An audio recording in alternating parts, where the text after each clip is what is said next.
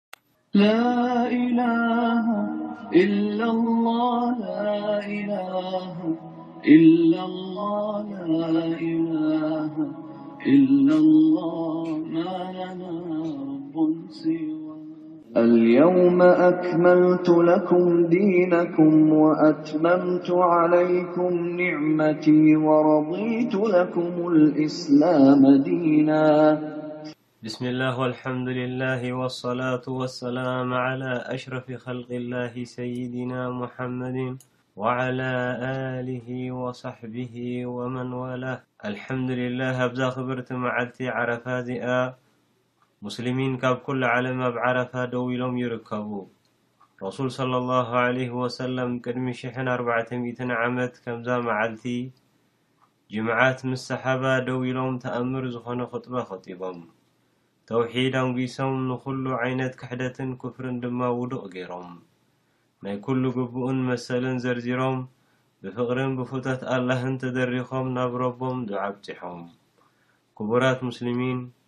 ነቲ ክቡርን ዕዙዝን ዝኾነ ኣላህ ፍርሕዎ ከመይሲ ንሱ ዩ ፈጣሪኹም። ተኣዘዝዎ ከመይሱሲ ንሱ ዩ ዘረዛቒኹም። ኣኽብርዎ ከመይሲ ናብኡዩ መምለሲኹም ኩላትና ብዘይካ ብኡ ኣይኮነልናን ድኹማት ኢና ብጀካ ብናቱ ሓይሊ ናብ ንሃድሞን ንዕቆቦን የብልናን ብጀካ ናብኡ ፈፊሩ ኢላላሂ ኢኒ ለኩም ሚንሁ ነዚሩን ሙቢን ሎሚ መዓልቲ ዓረፋ እዩ ሎሚ ጅምዓት እዩ ዓረፋ ምስ ጅምዓት ተጋጢመን እዘን መዓልታት እዚኣተን ቀለልቲ መዓልታት ኣይኮናን። ከምተን ካልኦት ለይቲታት'ውን ኣይኮናን። ሓጃጆ ጭርሖ ረቢ ከመዕርጉ፣ ኣብ ክቡር ዝኾነ ምትእኽኻብ ብደሮና ተኸዲኖም፣ ነብሶም ኣትሒቶም ኣብ ቅድሚ ረቢ ብዱዓ ይጽውዑ ኣለዉ። እዛ መዓልቲ እዚኣ ካብ ዝኾነ መዓልታት ንላዕሊ ኣብ ነብሶም ፍሉይ ስምዒታት ፈጢራ ናብ ረቦም ዝያዳ ቀሪቦም ኣለዉ።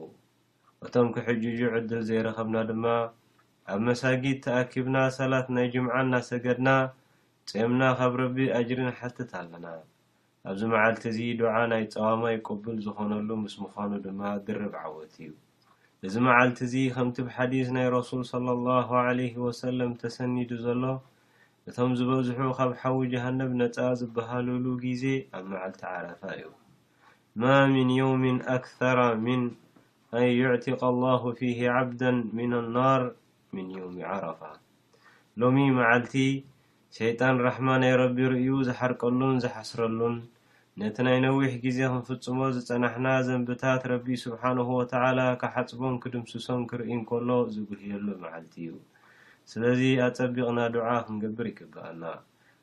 ረሱል ሰለሏሁ ዓለይሂ ወሰለም ኣብ ሓዲስ፣ ኸይሩ ዱዓኢ ዱዓኡ የውም ዓረፋ፣ ወኸይሩ ማ ቁልቱ ኣና ወነቢዩነ ምን ቐብሊ፣ ላኢላሃ ኢለሏሁ ወሕደሁ ላ ሸሪከ ለህ፣ ለሁል ሙልክ ወለሁል ሓምድ ወሁወ ዓላ ኩሊ ሸይኢን ቐዲር።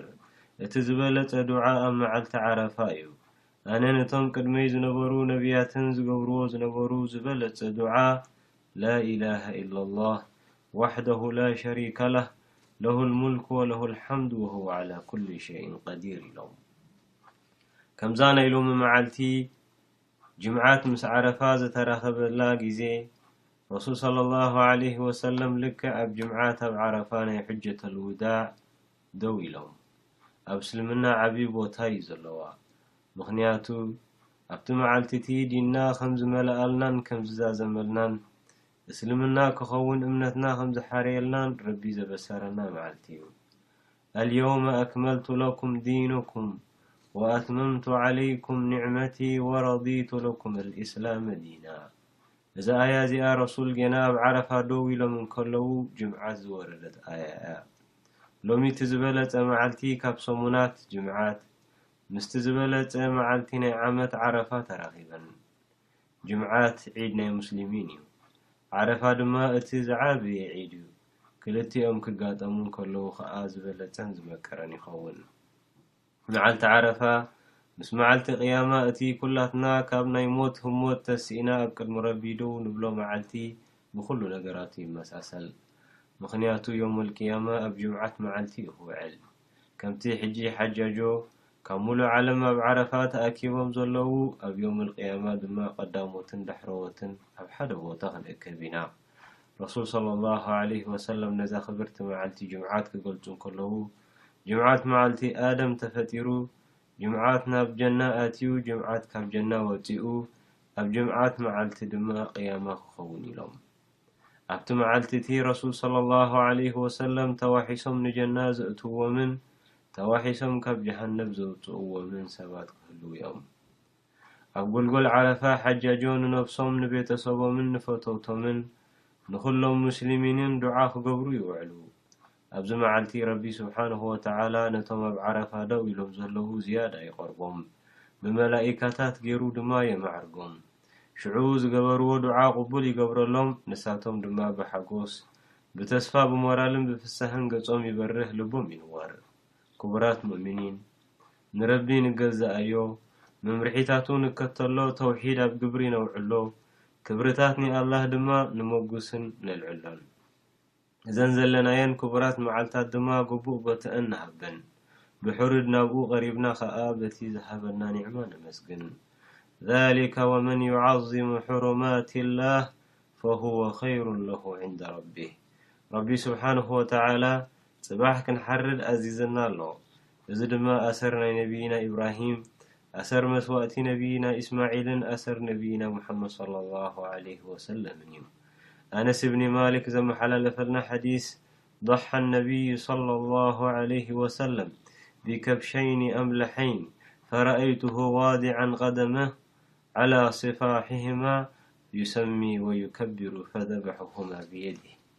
ረሱል ክልተ ስቡሓት ኣባጊዕ እግሮም ኣብ ጉምበኣን ኣቐሚጦም ባዕሎም ብኢዶም ብስሚላህ ኣላሁ ኣክበር ኢሎም ክሓርድወን ርእየዮም ኢሎም።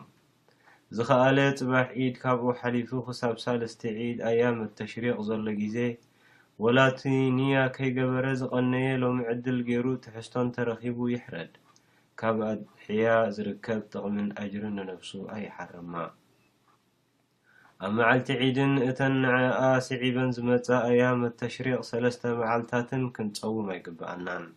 ከምቲ ረሱል ሰለሏሁ ዓለይሂ ወሰለም ዝበልዎ፣ ኣያም ኣተሽሪቕ መዓልታት ብልዒ መስተን ዚክሩላህን እየን ኢሎም። ኩቡራት ሙስሊሚን፣ ኣብ መዓልቲ ዒድ ካብ ዝፍጸሙ ጌጋታት ክንጥንቀቕ እዩ ዝግብኣና። ናይቶም ዝጠፍኡን ዝተጋገዩን ኣሰር ስዒብና ዒድና ክንዲ ብዒባዳን ብዱዓን ብሙዚቃ ብደርፍን ኩልኩል ብዝኾኑ ፌስታታትን ከነሕልፎ ኣይግብልናን። ኣብ መዓልቲ ዒድ ናይ ኣድሓ ክንፍጽሞ ዝግብኣና ሱና ከነዘኻኽር፣ ኣንጊህና ተሲእና ነብስና ክንሕጸብ፣ መወጽ ወይ ፉርሻ ጌርና ኣፍና ክነጽሪ፣ ከይበላዕና ንሰላተል ዒድ ክንከይድ፣ ኣብ መዓልቲ ዒድ ዓው ኢልና ተክቢር ክንገብር፣ ሰላተል ዒድ ምስ ጀማዓ ክንሰግድ፣ ዝበለጸ ክዳንና ተኸዲንና ጨና ተለኺና ክንውዕል፣ ንሰላት ዝኸዳ ደቂ ኣንስትዮ ግና ጨና ተለኺየን ክወጻ ክልኩል ይኾነን። ናብ ሰላተል ዒድ ብሓደ መንገዲ ኬድና ብኻልእ መንገዲ ክንምለስ፣ ኣብ ነንሕድሕድና ናይ እንኳዕ ኣብጸሓና ቃላት ክንለዋወጥ